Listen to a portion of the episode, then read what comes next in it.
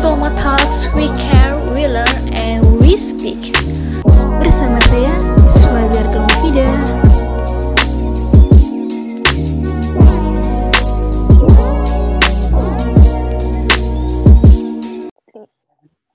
Assalamualaikum guys. Oke, sekarang aku sedang bersama dengan bintang tamu yang paling keren yaitu Kak Fatur Rizky. Panggilnya siapa nih Kak? Kak Fatur apa Kak Rizky? Kak Fatur aja. Oke, lebih santuy gitu ya. Hmm. Apa kabarnya Kak Fatur? Alhamdulillah baik. Alhamdulillah baik. baik. Nah, Tidak gimana kabarnya? Alhamdulillah baik juga. Alhamdulillah. Nah, sekarang Kak Fatur lagi sibuk apa nih di sana? Eh, untuk minggu kemarin, alhamdulillah baru ngerjain satu jurnal. Insya Allah terbit nanti di bulan April. Insya Allah berjudul eh, Waves and Routine 60. Terus, eh, alhamdulillah, insya Allah ke depannya doain aja ini kita sedang garap organisasi bareng anak-anak KPM di sini. Jadi kita lagi gerak-gerak bareng, kemudian ke depannya ngadain acara-acara berkaitan dengan hal-hal demikian. Ya, begitulah. Wah, keren banget emang Kak Fatur ini aktivis banget ya. Nah, Kak Fatur ini sendiri sedang kuliah di Turki dengan jurusan hubungan internasional di Mm-mm. Istanbul Sabahattin Nizam University. Betul Mm-mm. begitu, Kak? Ya, Nah, Benar-benar. by the way, eh, Kak Fatur sendiri udah juru- eh, semester berapa nih di sana? Uh, semester ini masuk semester 6. Alhamdulillah. Itu. Alhamdulillah, udah mau lulus aja ya nih. Amin. Amin ya Allah. Amin ya Allah. Doain. Keren, keren, keren. Emang keren banget dah Kak Fatur nih. Boleh lah ya nih sharing-sharing dan diskusi apa saja sih eh, aktivitas anak HI di Turki. Boleh, boleh. Nah, aku penasaran nih Kak, eh, sama Kak Fatur. Kenapa sih Kak Fatur itu memilih jurusan hubungan internasional itu di Turki? Oke. ini juru ini pertanyaan yang Iya. yang basic ya, yang fundamental. Pasti orang Iya. selalu nanya kayak gitu. Oke. Yang pertama itu eh, sebenarnya aslinya itu berawal dari ketika dulu ngabdi setelah di Pondok Modern kan di Gontor. Hmm. Ngabdinya itu di Universitas Darussalam Gontor. Hmm. Di juru di situ aku ngambil jurusan eh, ilmu komunikasi karena sebelumnya interview di jurusan jurusan HI karena nggak lanjut empat tahun akhirnya cuma setahun kan cuma setahun doang Hmm. akhirnya ditaruh di Ilkom. Di Ilkom itu ada satu pelajaran yang diajar langsung oleh eh, Pak Taufik Effendi, IELTS gitu. Di situ kita waktu itu partnya masih ingat banget, partnya listening. Terus di listening itu kit- eh, Pak Taufik Effendi itu beliau ngasih kita listening dari VOA, Voice of America. Di situ eh, apa namanya? Voice eh, apa namanya? Announcer. Ya kayak gitulah, lupa aku namanya dia bicara there are two countries that are very uh, get at, at- get most attention from US katanya. Ada dua negara yang paling didapat pengertian lebih dari US. Apa aja tuh? Yang pertama Indonesia, yang kedua Turki. Kenapa? Indonesia karena the most population of Muslims world. Turki the most strongest military uh, forces. Jadi di situ aku mulai tertarik loh, kok bisa ya? Indonesia oke wajar, kita punya populasi terbesar dalam Muslim, terus di, di, di, di, di militer kok Indonesia kalah sama Turki, sedangkan Turki populasinya nggak terlalu besar seperti Indonesia, negaranya nggak terlalu besar seperti Indonesia, tapi mereka bisa. Jadi militer terba, jadi salah satu militer terbesar untuk eh, dunia Islam sekarang. Nah kita tahu juga public figure-nya, kita figur yang paling terkenal di dunia sekarang untuk dunia Muslim ya, selain kontroversinya MBS kita tahu juga di sini ada Pak Erdogan yang juga Pak Erdogan juga mungkin get certain attention from the from the other world gitu. Jadi di situ aku mulai tertarik nih kenapa nih di Turki. Akhirnya aku milih aku akhirnya aku milih HI di Turki. Terlebih juga mereka ini negara yang neorealis. Mereka ada di tengah Balkan. Mm-mm. Mereka di tengah Balkan dengan populasi Muslim. Terus di sampingnya ada Yunani yang Iya. disupport oleh Uni Eropa. Ya kan? Kontradiksi banget emang Turki itu. kontradiksi banget Mm. Turki. Terus mereka nih negara NATO. ya kan? Mereka mereka mereka negara NATO, tapi mereka menjalin hubungan sama Rusia. Iya. Gila. Itu kan kayak wow, kok berani negara-negara ini gitu loh. Mm-mm. Gitu, makanya kenapa ngambil HI di Turki emang karena menarik ya. Sama satu lagi, aku baru nyadar itu sekarang sih, BTW. Kalau misalkan kita sepertinya eh se- sebenarnya enggak enggak se- eh, lebih lebih enak di Turki. Jadi di Turki itu kita be- mau bicara tentang perpolitikan dunia itu bebas. Kita mau bicara tentang China, kita mau bicara tentang UK, kita mau bicara tentang US, South Korea, North Korea, even Hmm. Asia Pasifik itu bebas di Turki. Ya kan? Coba kalau misalnya kita ngambil international relations in US, pasti kita uh, ada suatu keambiguan di situ. Kita nggak bisa bicarakan US, kita kita terkadang juga nggak bisa membicarakan China. Di- Begitu juga dengan sebaliknya. Gitu. Jadi di Turki ini pas posisinya gitu. Sebenarnya di Indonesia juga sih, tapi karena menurut aku kurang ya, karena negara kita kan negara yang neoliberalis, yang mana kita tuh ya damai-damai aja lah, yang masih ada internasional institusi, kita masih damai-damai. Eh, Turki kan beda. Benar, Gitu. benar, benar, benar. Iya benar. Soalnya aku tahu yang kebijakan Turki yang zero problem with neighbor itu kan sebenarnya itu emang benar-benar kayak apa ya?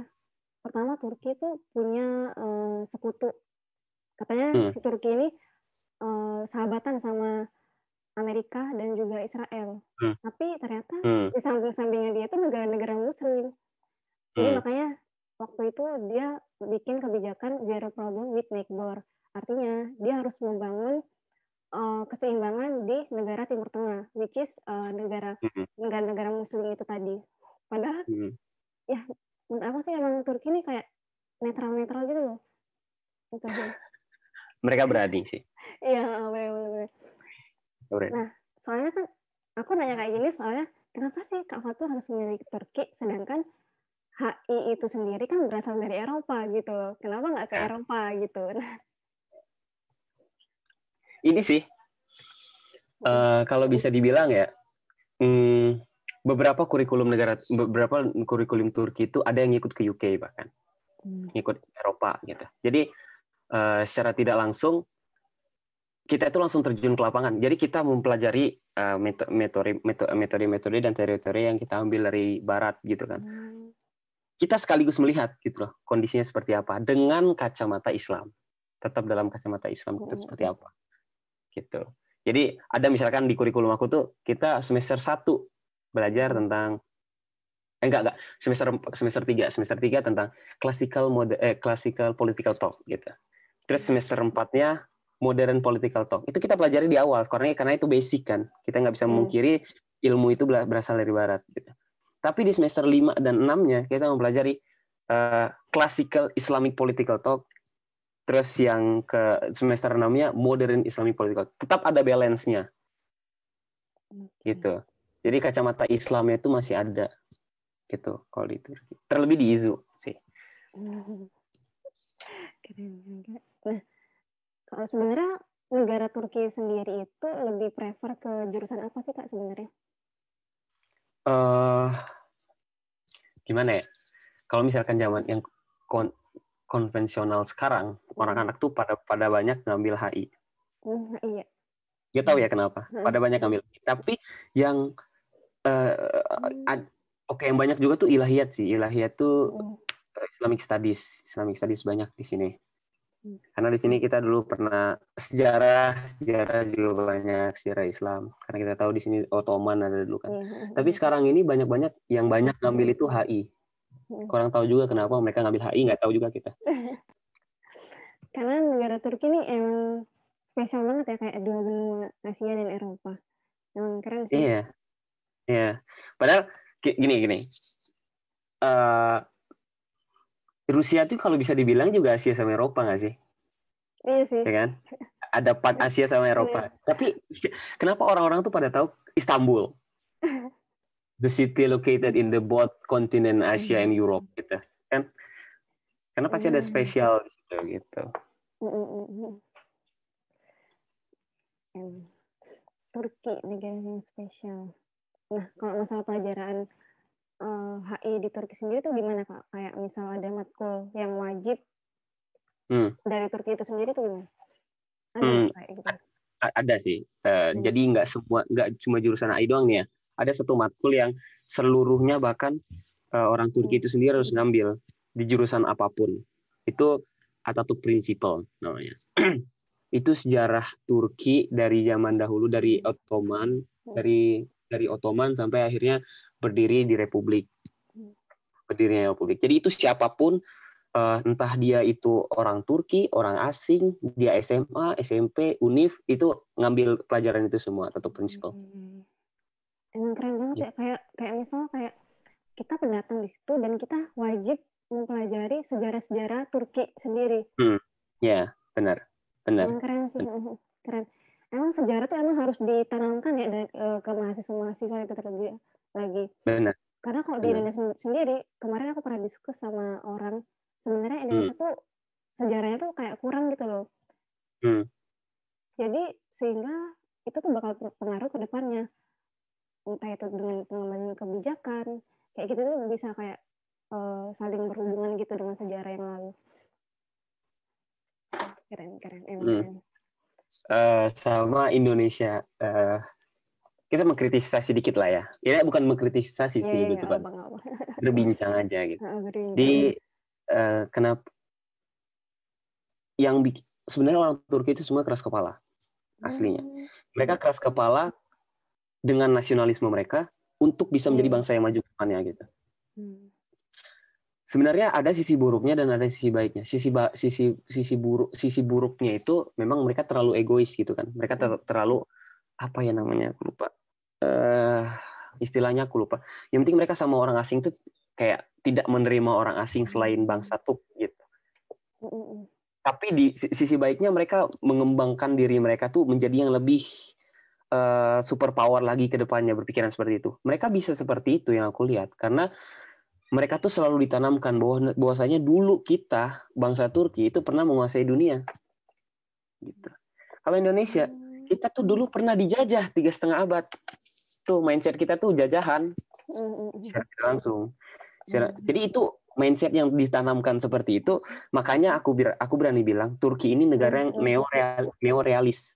Mereka mau berdiri di, mereka sendiri aja nggak apa-apa di Hmm. antara seluruh eh, negara-negara. Mereka nggak takut gitu. Bahkan ketika mereka mau ngambil minyak di Siprus, mereka bilang bahwasanya yaudah kita nggak takut gitu. Padahal di Hmm. Siprus itu ada Yunani kan, Yunani yang Iya. menentang itu dan Yunani Iya, di iya. backup sama Uni Eropa. Iya. Uni Eropa di backup sama US. Berani tapi Turki berani tuh. Hmm. Hebat nggak sih? Hmm. Tuh. Tuh. Kalau Indonesia kita dulu pernah dijajah seperti ini. Akhirnya karena kita tidak karena kita takut, akhirnya yaudah kita kan masih ada UN nih, kita masih ada PBB, kita masih ada ASEAN, yaudah kita damai dulu aja. Akhirnya saking damainya kita dimanipulasi sama negara lain.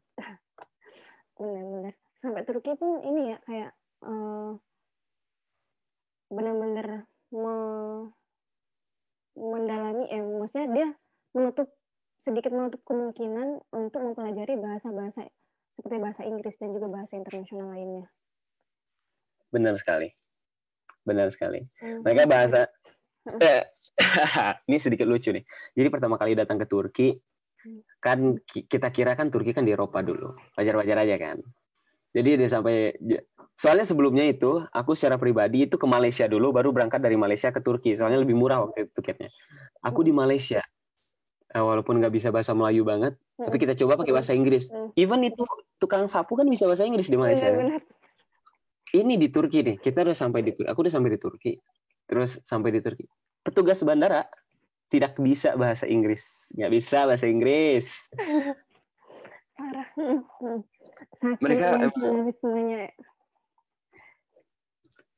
Gitu yang yang parahnya itu saking nasionalisnya banget ya mereka. Bahkan mereka menggawain ya bahasa Turki sih gitu. tapi sekarang mereka lebih open sih mungkin ya. Eh, banyak banyak kampus-kampus yang mulai mengajarkan dengan bahasa Inggris. Terus mereka ada juga TRT World di mana channelnya tuh khusus bahasa Inggris banyak eh, pembicara-pembicara dari dunia mana uh bagus banget sih mereka karena udah udah berkembang Hmm. gitu Oke. Nah, kalau rentang kuliah di Turki sendiri, eh, bagaimana kak? Setahu saya tuh kayak perlu wajib eh, untuk kursus bahasa dulu setahun. Mm-mm. benar-benar Eh, untuk kuliahnya sendiri kita kan di sini punya yang mayoritas memang bahasa Turki ya, kuliahnya pakai bahasa Turki. Itu harus dan wajib meng- me- me- ada ada kursus Tomir itu dalam setahun periodenya. Jadi ada empat level A1, A2, B1, B2, maksimal B2. Kalau misalkan mau lulus itu harus level ke eh, kelima nih C C1 namanya. Hmm. Nah itu harus satu tahun itu. Nah kalau misalkan mau kuliah pakai bahasa Inggris sama bahasa Arab tetap ada ujiannya Hmm. ujiannya itu ujian penyetaran mm, bahasa. Kalau misalkan dianggap layak, langsung bisa kuliah. Mm-mm. Kalau misalkan enggak ya harus prep school dulu setahun. Gitu. Jadi total lima tahun lah. Hmm. Lima tahun Gitu. lulus. Hmm. Dulu tahun lulus. Nah, kalau Tur- Turki sendiri ini eh, ada nggak sih kayak KKN, magang, dan juga bahkan skripsi? Hmm. Oke oke. Wow. Untuk skripsi kita alhamdulillah tidak ada. Alhamdulillah tenang. Tapi itu bencana. Itu bencana. Itu bencana. Bencana. Iya itu kan bencana. Karena emang kita penting menulis kan. Jadi Bencana. nanti takutnya canggungnya di eh, master ketika kita ngambil Hmm. master mau ngambil nulis tesis nggak bisa nggak tahu kaidah makanya di sini kebanyakan mayoritas itu mahasiswa mereka mengambil inisiatif kayak mereka belajar nulis jurnal nulis artikel paper dan lain sebagainya jadi belajarnya dari situ terus untuk internship beberapa universitas bahkan mewajibkan internship ya dibanding jadi gini kita nggak ada skripsi tapi ada eh, di beberapa universitas nggak semua universitas di, dan di beberapa fakultas juga. Ada di beberapa fakultas itu di semester 8 ada dua pilihan. Yang pertama internship atau final paper namanya bukan skripsi final paper. Nah Hmm. jadi pilih antara dua itu entah dia mau internship atau dia mau eh, final paper. Untuk KKN sih kita nggak ada. KKN kita nggak ada. Gitu. Enak ya. Kalau kamu tuh sendiri kira-kira milih apa nih? Internship apa? internship sih. Internship. Iya sih emang Enakan itu. bener-bener enak banget kayak internship tuh kayak emang wajib banget sih buat S1 kayak pertama, pertama tuh pasti pengalaman ya, yang kedua pasti bangun networking di dunia kerja seperti itu. Hmm, hmm, hmm, benar-benar itu penting banget Kalau tapi Hmm. eh beruntungnya beruntungnya kita ya yang diaspora bagi diaspora seluruh diaspora sih. Hmm, kita tuh punya wadah konsulat jenderal kok nggak? Hmm, eh, kedutaan besar. Di situ kita bisa di situ kita bisa apply untuk magang gitu. Jadi nggak terlalu jadi secara tidak langsung gini kalau misalkan kita di Indonesia kita kayak misalkan mau eh, internship di Kemenlu gitu kan banyak SDM HI di Indonesia ada berapa ribu orang HI di Indonesia dan nggak semuanya juga bisa ke Kemenlu kan hmm. sedangkan kalau di sini kita punya chance yang lebih besar punya opportunity yang lebih besar untuk nggak untuk magang di KJRI ataupun di KBRI gitu Mm-mm. Tapi kalau di Indonesia sebenarnya juga bisa sih kak eh, kita magang di KBRI luar negeri kayak Vietnam, Hmm. Korea Hmm. gitu-gitu. Oh, bisa ya? Heeh, bisa. Ah bagus lah kalau kayak gitu magang gitu aja lebih enak Sebenarnya kan kayak galau gitu antara magang di Kemenlu apa di KBRI luar negeri. Soalnya dua hal itu benar-benar kayak oh, sangat dua pilihan yang sangat benar-benar kayak Oh gini Berat aja nih. kalau kalau saranku ya ya di Kemenlu aja sih Pak. Kecuali Hmm, kalau hmm, hmm. misalkan kecuali kalau misalkan mau di eh, KBRI atau KJRI yang di mana negaranya itu pakai bahasa Inggris itu nggak apa-apa. Soalnya kan kamu kalau ngad, kalau ngajak eh, kalau ngabdi eh kalau magang di KJRI atau di KBRI itu bakal berinteraksi sama orang lokal. Warga lokal kan Hmm. mereka pakai bahasa nggak mungkin bahasa Inggris kan. Kalau nggak bahasa Turki ya bahasa Taiwan ya bisa. Gitu. Iya dan kayak tuh kayak wah ini benar-benar kayak gede banget nih networkingnya gitu. Hmm. Dan bahkan Hmm. juga itu bisa juga ber, eh, kayak misal aku skripsi nih ambil eh, tema keamanan. Nah aku juga bisa nyari data tuh di Kemenlu Indonesia gitu. Benar, Benar, benar. Sedangkan benar. kalau di KBRI luar negeri itu biasanya lebih ke lapangan. Jadi kayak ya bekerja di lapangan gitu deh pokoknya. Tahu lah, tahu lah bi- birokrasi Heeh, dan heeh. lain sebagainya.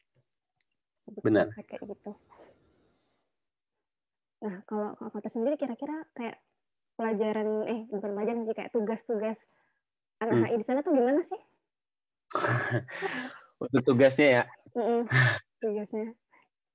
Menarik sih tugasnya di sini tuh. Ehm, gimana ya?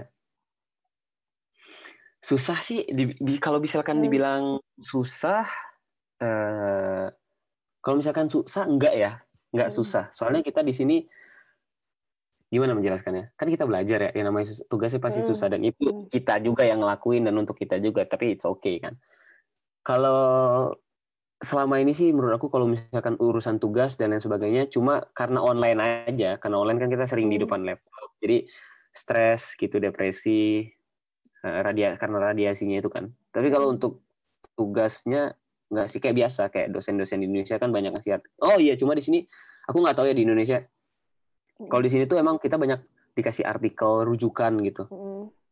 rujukan dari dari apa dari dosen dikasih terus artikel buku artikel buku. Kalau misalkan dibaca nggak dibaca ya terserah kita gitu. Tapi kan lebih baik kita kolek aja dulu. Kalau misalkan satu, satu saat mau dipakai ya dipakai. Gitu. Ada presentasi nggak sih kak di sana? Ice of course lah kita ada. Dan itu dan itu sayang banget sayang banget semester ini nggak dibolehin sama kampus. Nggak tahu kenapa. Hmm. jadi semester ini banget itu nggak ada presentasi seluruh pelajaran. Hmm. emang di nggak emang nggak dibolehin sama administrasi kampusnya nggak tahu kenapa Hmm. Jadi lebih kayak Jadi kalau- pelajaran gitu dong sama dosen. Iya, iya. Cuma diskusi, group discussion gitu aja. Kalau misalkan presentasinya nggak ada sekarang. Nah di presentasi itu tuh biasanya kan kita yang suka show up, show up ya, show up, show upnya pas banget presentasi. Sih. Keren banget deh kalau ada presentasi, seneng banget. Apalagi kalau offline, kalau offline kan kita wah gitu seru. deh. Hmm. Kita di sini nggak nggak minder gitu loh. Eh, Nggak ada mahasiswa yang bener-bener not eh, tu bener-bener tulen dari UK atau US gitu. Jadi Hmm. semua kadar bahasanya sama lah at least kan. Gitu. Iya. Cuma ada beberapa orang Arab yang speaking fluently gitu, accentnya juga bagus gitu. Tapi ya it's okay, namanya juga belajar. Hmm. Gitu. Kita beruntung loh orang Indonesia tuh lidah kita tuh lentur. Iya, lidah kita tuh nggak kaku-kaku banget gitu. Iya, iya benar-benar. Hmm. gitu. Jadi Jadi aksennya masuk. Kayak, eh, kayak presentasi tuh kayak ada kelucuan tersendiri pasti dari eh, Iya, dari iya. itu. Iya benar banget. Kita Hmm. kalau ke presentasi itu, jadi waduh, ada sih temen dulu. eh, ketika presentasi itu kadang tuh mendapatkan applause dari teman-teman itu kan susah ya.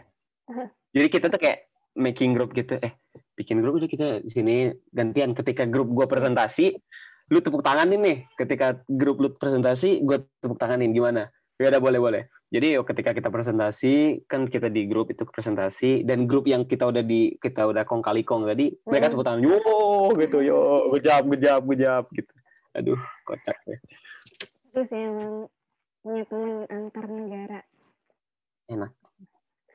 Nah, oke. Dari segi kurikulum dan juga ilmu yang telah diberikan sama kuliah abroad, sudah dijelaskan nih sama Kak Fatur. Nah, kira-kira kampus tuh pernah nggak sih, atau dosen pernah nggak memberikan kayak arahan akan menjadi apa, atau bagaimana? Eh, ini aku rasa ya, aku rasa sama kayak di Indonesia. Dosen itu eh, nggak tahu sih di Indonesia. Kalau emang kalau di sini tuh dosen itu memang benar-benar ditunggu. Maksudnya mereka tidak memberikan arahan kamu setelah ini seperti Hmm. apa, kamu setelah ini. Emang harus kita yang datang. Tapi sekalinya kita datang, mereka bakal ingat. sekalinya mereka datang bakal misalkan contoh, eh, Pak, Bapak ada di jam jam eh, Bapak ada di kantor jam berapa? Jam segini office hours saya jam segini datang aja. Udah datang. Datang, Assalamualaikum Pak. Pasti mereka nanya. Dan mereka emang baik-baik semua. Gimana Fatur gitu. Eh, jadi saya pengen diskusi nanti ke depannya saya magang gimana. Oh kamu magang ini saya ada link untuk di sini di sini di sini. Maksudnya eh, bukan link kenalan gitu ya. Jadi kayak Mm-mm. masukan masukan. Nanti kamu di sini bisa masuk, kamu di sini bisa masuk, kamu di sini bisa masuk seperti itu. Jadi kalau misalkan kita nunggu, dosen nggak bakal ngasih sama sekali. Gitu. Iya. Kecuali kalau kita datengin, kita kontak itu ba- baru mereka bakal baik dan even mereka sampai kenal banget sama kita gitu. gitu. Mereka kalau kasih arahan sih eh, sering sih kalau misalkan kita deket ya. Tapi kalau misalkan kita ngobrol ya kagak. Mm. gitu. Iya sih, sama sih kayak dosen-dosen Indo. Hmm. Sama dosen Indo gitu juga kan ya? Mm-mm. Emang kayak Ah. mahasiswa tuh dituntut untuk mandiri gitu kayak "Oh, saya ada ini terus laporan ke dosen kayak gitu-gitu sih.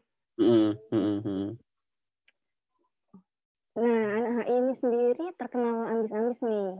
Kira-kira selama Pak Fatur kuliah di Turki, selain beradaptasi dengan lingkungan, kampus, dan juga pelajaran, lalu bagaimana sih dengan menghadapi keambisiusan akademisi ya, akademisi atau yang semacamnya anak-anak ini. Nah, kira-kira peluang apa sih atau keuntungan apa sih kuliah di Turki eh, dengan menghadapi keambisiusan tadi? Kayak misalnya Kak Fatur lebih sering ikut konferensi, kan deket tuh, misal ikut konferensi ke Jerman deket lah itu ya. Oke, dikiranya mudah apa ya? Terus terus terus. Sharing-sharing lah kegiatan-kegiatan yang di luar perkuliahan. Perkuliahan. Mm. Eh, di sini itu untungnya markas bukan markas ya. Eh, ada kantor besarnya ICYF lah ya. Hmm. ICYF kan di sini itu. Jadi bu- bukan hanya ICYF sih, banyak juga kita di sini ya, event-event internasional yang lain yang diadakan di Istanbul, khususnya di Istanbul. Jadi Istanbul itu geopolitiknya juga bagus kan, maksud aku Turki geopolitiknya bagus. Walaupun yang bermain Ankara, tapi yang ditempatkan tuh di Istanbul gitu. Jadi event event event internasional yang lain itu ada di Istanbul. Contoh ICYF kemarin eh kita ada event di ICYF itu sebelum lockdown di Turki. BTW sekarang lockdown ya. Eh BTW sekarang udah dibuka Februari kemarin lockdown. Sebelum itu itu kita ada event di ICYF dan di event ICYF itu eh banyak mahasiswa-mahasiswa internasional lain. Jadi kita ber- Hmm. bertemu satu sama lain gitu kan mem- mem- mem- membicarakan eh, problem-problem yang ada di dunia per- per- dunia Islam terkhususnya gitu. Kemarin di situ kita bicara banyak gitu, kita diskusi bareng-bareng gitu banyak eh, di situ. Dan salah satu presidennya itu beliau eh, suka sama orang Indonesia dan pikirannya bagus gitu. Soalnya beliau pernah pernah di eh, di di in- di kuliahnya di Malaysia waktu itu. Begitu. Nah, untuk yang lain ya, kalau misalkan dibilang anak HI ambis-ambis, nggak bisa menjurnalisir ya. Soalnya yang yang ada di yang ada di yang ada di lapangan ya nggak nggak semuanya anak HI itu seperti itu Hmm. gitu. Karena tujuan dari HI kan luas. Ada yang benar-benar ngambil dalam sisi IR hubungan Hmm. internasional. Ada yang ngambil politiknya aja. Ada yang ngambil perjanjian hukum internasional supaya mereka bisa eh, eh, nyambung ke hukumnya nanti. Terus ada yang ngambil untuk international trade-nya aja, hukum trade-nya. Kita kan nggak tahu masing-masing. Jadi kalau misalkan ambis nih, ambigu nih, ambis nih gimana maksudnya gitu. Aku bingung. Ya kayak Iya, gitulah yang penting ya.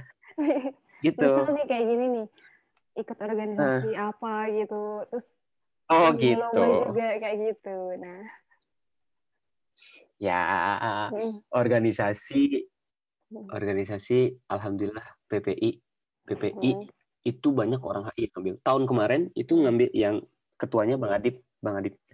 Itu beliau anak HI juga. Terus koordinator PPID eh, tahun 2018 anak HI Bang Fajar Haki namanya. Terus eh, Bang Koirul Anam tuh apa ya? Koordinator PPID sekarang. Jurusannya aku lupa. Jadi banyak anak-anak HI itu yang benar-benar eh, bergerak di mana pun. Bahkan kata Ustaz Elizabeth, antum tahu eh, tahu Ustaz Elizabeth? Nggak tahu ya.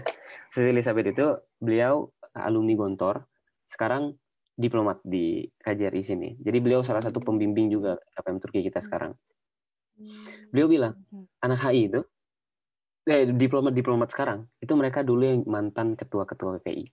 Gitu.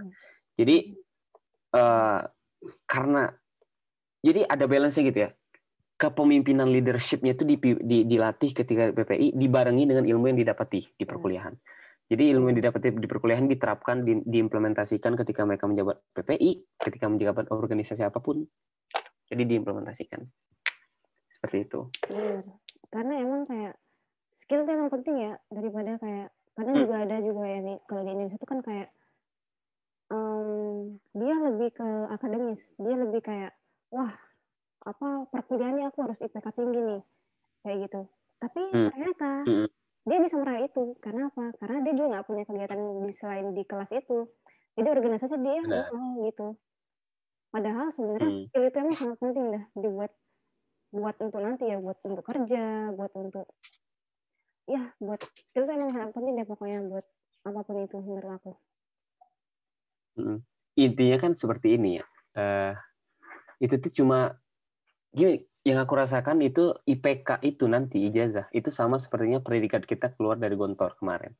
Hmm. Orang yang predikatnya keluar dari Gontor Mumtaz belum tentu lebih baik daripada mereka yang jajidan. Ya kan? Karena yang jajidan itu bisa aja mereka ketika itu mereka sibuk ber, eh, apa mengurus organisasi lainnya sehingga mereka nggak nggak nggak sempat belajar di akhir. Yang mana cuma mereka dapat jaji- jajidan doang, nggak mumtaz. Gitu. Gitu. Oh iya iya. iya. Oke nggak apa. Jadi intinya sama IPK seperti itu. IPK itu nggak mengukur kita. Misalkan kita IPK 4. Oke, itu cuma di hitam di atas putih kita aja. Kita bisa pintar seperti itu. Apakah skill kita sama dan Hmm. linear dengan IPK kita kan belum Hmm. tentu seperti itu. Iya, benar. Jadi kayak harus seimbang lah ya. Di kelas juga Ya harus jalan. di luar juga oke. Oke. Nah, kira-kira Kak Fatur udah ada gambaran nggak sih kayak eh, selama kuliah di Turki itu kira-kira pengen jadi apa nih nanti setelah lulus? Sebenarnya cita-cita dari dulu sih pengen banget eh, punya suara di UN gitu. Sebenarnya aslinya pengen ke UNWRA gitu dulu ya di UNWRA. Jadi khusus untuk refugee of Palestine gitu biar kita tahu di situ masalah kemanusiaan. Pengen punya suara di situ. Tapi kalau misalkan nggak tercapai, aku tuh pengen banget jadi eh, dosen atau diplomat. Kenapa? Dengan it, diplomat itu, konjen atau Pak eh, Dubes, itu mereka berinteraksi dengan mahasiswa. Dosen juga sama, berinteraksi dengan mahasiswa. Jadi impian Ana yang nggak bisa tercapai untuk punya suara di UN, itu bisa Hmm. disalurkan lewat mahasiswanya nanti. Gitu. Benar. Hmm. Jadi se- seenggaknya kalau misalkan Ana nanti kan kita perbanyak banyak banget masalah zaman sekarang konvensional yang mana membawa agama kita sendiri, harga harta martabat negara Islam dan kita sebagai muslim itu jauh di bawah gitu kan. Kita kayak berada di tengah-tengah turmoil nih, berada di tengah-tengah Hmm. kekacauan yang kita nggak tahu selalu ini ini kita sebagai proksi kah atau memang benar-benar ini eh, kemauan kita untuk berada di tengah-tengah kekacauan ini gitu. Nah, kenapa Ana pengen berada ada suara satu suara di UN itu Mm. supaya setidaknya kita bisa meringankan, bisa bisalah mencoba. Soalnya so- soalnya begini ya. Anda ngambil kasus dari kasus konflik Palestina Israel. Hmm. Kita ngabisin berapa juta thousands of billions of dollar untuk eh, ngasih ke Palestina makanan dan ini lain sebagainya. Tapi apa mereka tetap suffer gitu. Mereka tetap dibom, mereka tetap terbunuh dan lain sebagainya. Mereka, kasus ini tuh cuma bisa kalau menurutku ya, cuma bisa di di end oleh diplomasi. Itu. Hmm. Jalur diplomasi dengan baik dan benar gitu. Hmm. Israel tuh masih selama dia masih ada vetonya Amerika, mereka selalu tetap langsung terus terus terus Iya, gitu. benar. Ya, ya Iya, soalnya Amerika kan Gitu. juga kayak punya hak veto paling hak veto tetap lah itu di PBB. Jadi kayak hmm, ya susah lah pasti Israel kan didukung oleh negara superpower. Gimana? Gitu. Hukum hukum Benar. internasional aja kayak kalah lah itu hukum internasional kalah nggak bisa Hmm. nih orang Israel juga kayak Ki- apa sering banget tuh melanggar hukum internasional.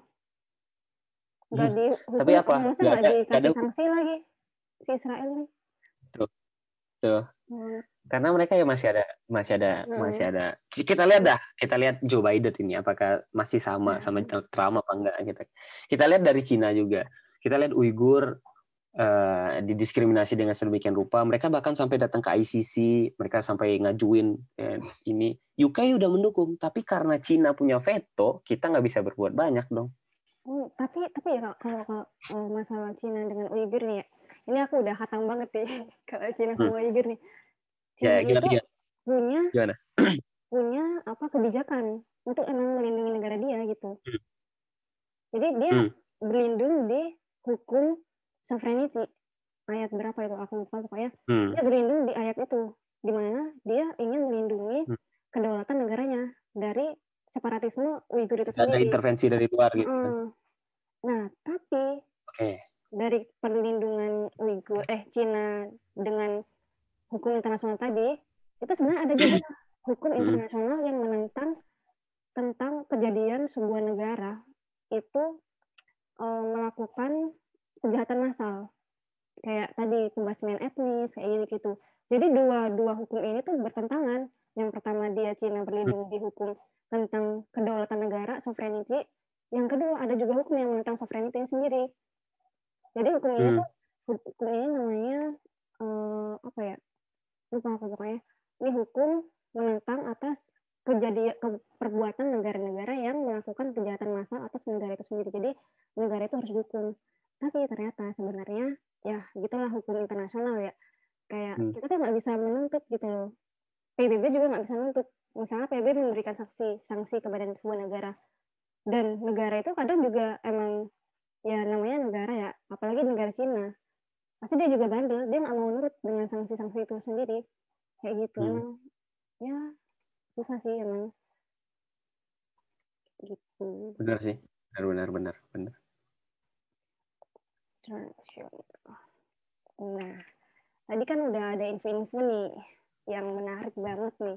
Insight baru lah buat kita semua yang ada di Indonesia, anak HIers di Indonesia. Sekarang boleh dong sharing keluh kesahnya selama perkuliahan dan hidup di negeri orang. Eh, setiap orang sih, setiap kepala kalau misalkan keluar negeri belajar itu ada pasti ada culture shock ya. Iya. Itu kerasa banget sih, kerasa banget. Yang paling paling pertama kerasa itu culture shocknya itu makanan dan itu sangat amat jelas. Ida kalau nggak salah pernah ke sini kan? Ya kan? Oh iya, oh iya oke oke oke. Jadi ya itu culture shock yang pertama tuh makanan dan am- sangat amat jelas itu kita nggak bisa sebagai negara penghasil rempah-rempah terbaik lah di dunia. Sampai di sini makanan hambar semua dan lain sebagainya. Itu untuk makanan. Terus yang kedua kita cuaca. Kalau cuaca, insya Allah anak orang Indo- Indonesia tuh eh ya susah sih. Eh, nggak susah banget sih. Kayak gimana ya kalau masalah cuaca? Kita kan berada di tropis katulistiwa gitu. Kita di season yang yang yang yang yang enak lah gitu. Nah kalau sampai sini kita sampai di empat season gitu. Ada summer, ada winter, Ya. punya punya karakteristik masing-masing seru gitu. Masakan Padang, masakan Padang iyalah kangen lah. Masakan Padang sangat amat amat amat kangen. Bahkan kalau misalkan ada orang ke sini mau nitip rendang, Uh, Gitu. Itu sangat- dijabanin. sangat sangat amat jelas. Masakan Padang nggak ada no debat untuk masakan Padang. Gitu. Budaya eh budaya ada nih budaya. Kan di sini kita di kita pakai mazhab Syafi'i di Indonesia. Hmm, Kalau di mereka pakai mazhab Hanafi gitu. Jadi contoh kalau ke, ke masjid pakai kaos kaki. Kalau misalkan di Indo kita lepas aja gitu kan. iya. Sepatu, habis itu wudhu biasa, habis itu jalan kaki nyeker aja, kaki telanjang gitu. Jadi kalau di sini Hmm. kita habis wudhu, kalau nggak bawa tisu ya langsung pakai kaos kakinya basah gitu. Langsung masuk ke masjid. Masuk pakai masuk maksi- mak- pakai kaos kaki masuk masjid. Gitu. Kalau sosial, sosial gimana? Sosial, wah, sosial ya. mereka aslinya itu seperti yang Anda bilang tadi sebelumnya. Apa aku nama lupa nama istilahnya tuh. Yang mereka tuh tidak menerima keberadaan orang luar sebelumnya gitu. Hmm. Tapi karena sekarang udah lumayan ya, udah lumayan. Mereka udah baik, udah, udah ini terkhusus ke Indonesia. Kalau misalkan sebe- sebelumnya kan muka-muka kita muka-muka Asia nih. Hmm. Terlebih ada corona. Jadi dulu eh, ketika awal-awal muncul corona kita banyak banget sih perlakuan rasisme gitu ya. Hmm. Kan aku sendiri ngerasain ketika pengen belanja ke market, tutup pintunya ditutup karena mereka takut kita membawa corona gitu. Tapi sebenarnya ketika ditanya eh Sencin Mesen gitu, kamu orang Cina bukan? Hmm. band Indonesia lah ya kan kita saya orang Indonesia tapi langsung ketika mereka mendengar saya orang Indonesia mereka langsung oh Indonesia oh orang Indonesia kita kita kita bersaudara Hmm. gitu gitu Yes, itu mereka bersaudara. Emang keren banget nih Kak Fatur memberi inspirasi dan juga insight baru nih buat anak-anak HI di Indonesia. Cuma sayang banget nih, nggak kerasa udah panjang banget kita ngobrol dan diskusi. Nah, saking serunya nih obrolannya. Terima kasih buat Kak Fatur yang telah mau menjadi Sama. narasumber di podcast Sama-sama. ini. Semoga dilancarkan studinya di Turki Amin. dan sukses menjadi diplomat. Amin ya Allah. Sama teman-teman semuanya juga sama. Semoga lebih giat, lebih giat lagi karena kita tahu bidang kita sosial banyak banget orang yang Iya. expert di bidang ini. Jadi kita nggak tahu ke depannya seperti apa. Kita berusaha dari awal, dari sampai dari sekarang kita cari jalannya, cari kasus-kasus yang kontemporer yang bisa kita pecahkan bareng-bareng eh, dan ber- ber- dan tentunya bermanfaat bagi negara, bangsa dan agama kita. Gitu. Oke. Nah, dari semua perbincangan kali ini kesimpulannya adalah di mana pun kita berada tetaplah menjadi berlian baik itu di kegelapan maupun di tempat yang bercahaya. Maka berlian itu akan selalu bersinar. So, and the last, thank you and see you in the next. Yuk semuanya. Bye-bye. Bye.